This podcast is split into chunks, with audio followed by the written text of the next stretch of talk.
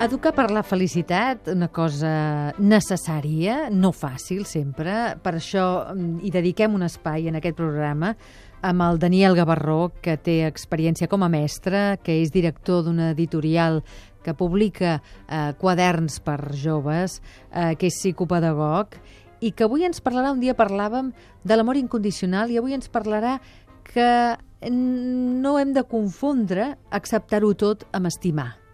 Eh, I per tant, com col·locar aquests límits ben col·locats, com explicar-ho als nostres fills, com sempre fem, de quina manera. Eh, Daniel, com ho podem fer, això? Sí.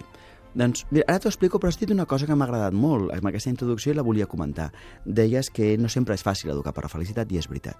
I tanmateix, eh, les matemàtiques tampoc són fàcils, eh? I hi ha matemàtiques 1, matemàtiques 2, matemàtiques 3, és a dir, cada curs escolar hi ha matemàtiques i hi ha llenguatge, però no hi ha mai felicitat 1, felicitat 2, felicitat 3, ni hi ha amor 1, amor 2, amor 3, perquè es pressuposa que la gent sabrà ser feliç i sabrà estimar per la seva banda. I la veritat és que és ben...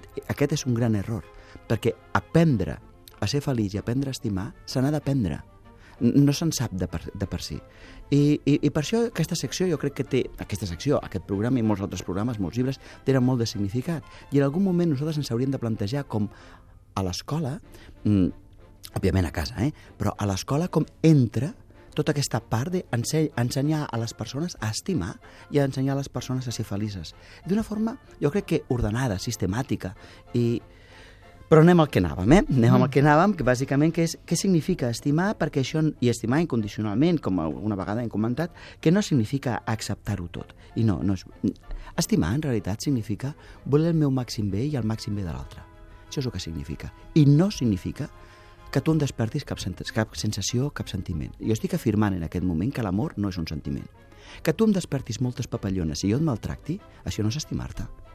Que tu no em despertis cap papallona i jo et cuidi, això és estimar-te. Així que, al marge dels sentiments, l'amor és la decisió de buscar el teu i el meu màxim bé. I això, el teu i el meu màxim bé, significa que a vegades tu em maltractes. I quan em maltractes, si jo continuo estant al teu costat, t'estic convertint en un maltractador. T'estic donant permís per ser un monstre. Llavors significa que, per amor, hi ha coses que no les puc deixar permetre perquè si no t'estic convertint a tu, t'estic donant permís a tu per ser qui no hauries de ser mai. I la meva, una mostra d'amor davant de situacions d'agressió o de violència és saber dir no, és saber marxar, és saber demanar ajuda. Per què? Per amor. Per amor. Per tant, mm, què significa estimar? Estimar significa voler el màxim bé. I, i he d'estar sempre amb l'altre? No, no he d'estar sempre amb l'altre. I com sabré? Com sabré jo si, si si realment estic estimant bé. És molt simple. Hi han dos criteris molt bàsics. Primer, dintre meu hi haurà pau. I segon, en la nostra relació hi haurà harmonia. I si no hi ha harmonia i no hi pot haver, hi haurà distància, que és una forma d'estimar-te. Doncs amb aquest desig de pau i harmonia acabem avui Educar per la Felicitat i l'ofici d'educar. Gràcies, Daniel Gavarró. Una abraçada per tu i per tots aquells que ens esteu escoltant.